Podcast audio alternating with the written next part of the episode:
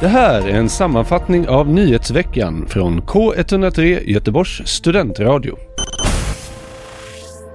Koppling mellan skolskolk och kroppsångest. Var tredje elev i årskurs 6 har någon gång skolkat från skolidrotten och de som skolkar är dessutom mer missnöjda med sina kroppar jämfört med genomsnittet. Forskarna från Göteborgs universitet har undersökt saken genom att skicka ut en enkät till svenska sjätteklassare. Det är drygt 500 deltog i studien. Och studien visar då att de som skolkat var mer missnöjda med sina kroppar och var betydligt mer oroliga över hur de här kropparna framstår i sociala sammanhang än de som inte skolkat. De var också mindre nöjda med sina kroppars fysiska förmågor. Studien visade också att de som skolkade inte riktigt förstod syftet med skolidrotten. Att delta uppfattades som ett måste snarare än att delta för att det är kul, säger Carolina Lunde, en av forskarna bakom studien, i ett pressmeddelande. Inga fler kommunala hyresbostäder ska bli bostadsrätter. Sedan maktskiftet i Göteborg har det varit diskussioner om stopp för ombildningar. Det rödgröna styret med Centerpartiet har nu lämnat besked om att ombildningar av hyresrätter ska stoppas fram till 2026, alltså under den pågående mandatperioden. Utvecklingen av AI har växt allt mer åt dess möjliga användningar. Nu står Google och Microsoft mot varandra i denna AI-kapplöpning. Parallellt till detta har vi sett flera som varnar för denna utveckling och vill sätta stopp för det. Efter att Microsoft lanserade sin ChatGPT som har lämnat av sig en stor intryck bland användare och utomstående har Google försökt att komma ikapp med sin AI-chatt Bard som har medfört en stor problematik inifrån och utifrån företaget. Hur denna utveckling kommer att fortsätta återstår att se. Föreställningen Vi som fick leva om våra liv av dramatikern och regissören Mattias Andersson har blivit utvald att spelas på Venedigbiennalens internationella teatersektion Biennal Teatro. Två föreställningar ges 21 och 22 juni på Teatro alla Tese. Föreställningen har ställt frågan Vad skulle du göra annorlunda om du fick leva om ditt liv? till svenskar och av 137 svar så har Mattias Andersson skapat föreställningen om hur livet hade kunnat se ut om vi fick en andra chans. Föreställningen hade ursprungligen premiär 2019 och har filmatiserats för SVT. Venedigbiennalens internationella teaterfestival pågår 15 juni till 1 juli 2023 i Venedig, Italien.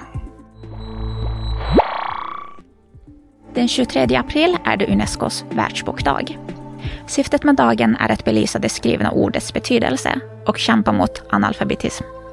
Året 2021 utsågs Göteborg till litteraturstad av Unesco. Tillsammans med andra kreativa städer arbetar Göteborg med litteratur som en nyckel till social hållbarhet. I samband med Världsbokdagen den 23 april arrangeras det en bokmarknad på Lagerhuset där förlag, författare och andra litterära verksamma är välkomna att delta. Insulin kan ha längre hållbarhet än vad man tidigare trott. I en studie som gjorts med hjälp av forskare från Göteborgs universitet har man förvarat insulin i rumstemperatur i en fyra månaders period. Studien kunde konstatera att insulinet höll sig mycket längre än vad man tidigare trott, upp till fyra gånger så lång tid. Det här kan innebära en potentiell förändring av kravet på att kassera insulin som varit i rumstemperatur efter en månad. Det här skriver Salgrenska akademin i ett pressmeddelande. Storbolagspampen prisas. Thomas Andersson, vice VD för Volvo Car Group, får pris från Handelshögskolan i Göteborg. Detta efter att han i många år stöttat skolans verksamhet i rollen som samordnare för skolans olika uppdragsutbildningar. Andersson, som tidigare varit elev på skolan, var på gott humör när han mottog beskedet. Jag är fantastiskt glad över denna fina utmärkelse. Som tidigare elev på Handelshögskolan är jag stolt över att bidra och jag brinner för att skapa samverkansmöjligheter mellan näringslivet, akademin och staden, säger han i ett pressmeddelande. Forskare varnar för AIs utveckling. The Future of Life är en organisation som arbetar för att minska eventuella risker som kan orsakas av artificiell intelligens. I ett öppet brev skriver organisationen om riskerna med AI och uppmanar till ett uppehåll av AI-forskning på sex månader. Olle Hägström, professor på Chalmers, är en av dem som har skrivit under brevet. Hägström uttrycker att AIs framtida utveckling kan innebära slutet för mänskligheten. Warson Shire kom till Angereds bokmässa. Det här skriver Göteborg Company i ett pressmeddelande. Warson Shire, brittisk-somalisk poet som bland annat gjort sig känd för att ha skrivit poesin till Beyoncés album Lemonade, kommer till Angereds bokmässa den 6 och 7 maj. Den internationella stjärnan kom ut med boken Välsigna min dotter 2022 med samlade dikter från de senaste tio åren. Teman berör allt ifrån invandring och flykt till moderskap och otrohet. Angereds bokmässa startade 2018 i syfte med att skapa en plats åt litteratur från förorten och öka mångfalden i litteratur-Sverige.